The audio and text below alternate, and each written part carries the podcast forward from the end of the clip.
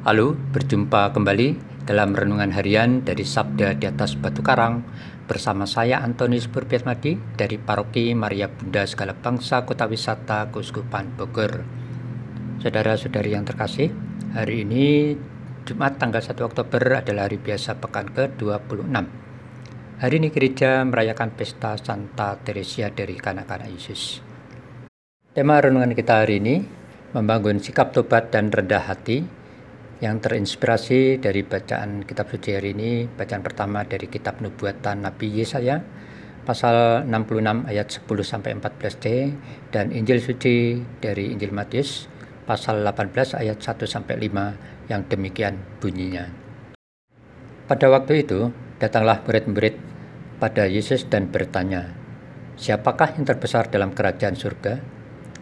Maka Yesus memanggil seorang anak kecil dan menempatkannya di tengah-tengah mereka lalu berkata, Aku berkata kepadamu, sesungguhnya jika kamu tidak bertobat dan menjadi seperti anak kecil ini, kamu tidak akan masuk ke dalam kerajaan surga. Sedangkan barang siapa merendahkan diri dan menjadi seperti anak kecil ini, dialah yang terbesar dalam kerajaan surga. Dan barang siapa menyambut seorang anak seperti ini dalam namaku, ia menyambut aku. Demikianlah Injil Tuhan. Terpujilah Kristus. Saudara-saudari yang terkasih, dalam pemilu atau pemilihan umum atau pemilihan kepala daerah tentu ada tim suksesnya. Banyak orang yang mau menjadi anggota tim sukses dari pasangan calon yang ikut pemilu atau pilkada. Para anggota tim sukses pasti punya anggapan bahwa jika yang didukungnya menang, maka mereka pasti akan diangkat menjadi wakil-wakilnya dalam pemerintahan atau paling tidak akan mendapat prioritas proyek nantinya. Saudara-saudari yang terkasih, dalam bacaan Injil pada hari ini digambarkan para murid Yesus yang memiliki anggapan bahwa mereka pasti akan diangkat jadi pejabat atau orang penting dalam kerajaan surga.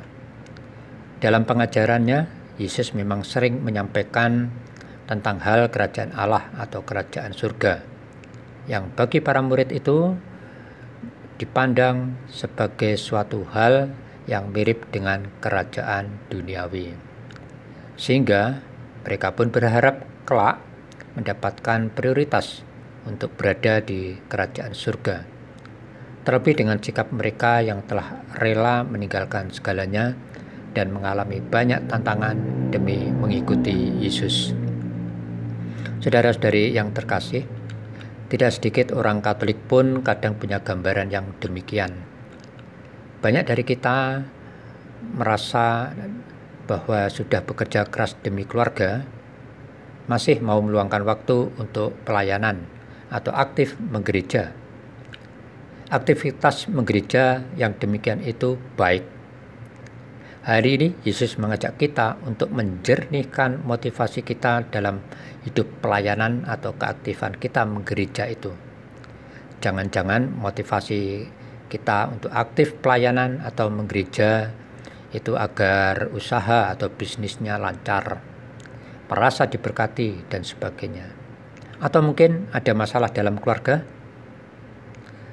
Dalam pesan sabda Tuhan hari ini, bahwa ukuran untuk boleh tidaknya masuk ke dalam kerajaan surga tidak diukur dengan sikap lahiriah kita. Dan itu hanya ada dalam kewenangan otoritas Allah sendiri, bukan kita. Dan menurut Yesus, pertobatan dan sikap rendah hati merupakan bagian dari sikap iman yang menyelamatkan dan syarat utama untuk boleh menerima keselamatan surgawi. Ya Yesus, semoga aku selalu punya sikap laku tobat dan bersikap rendah hati. Amin.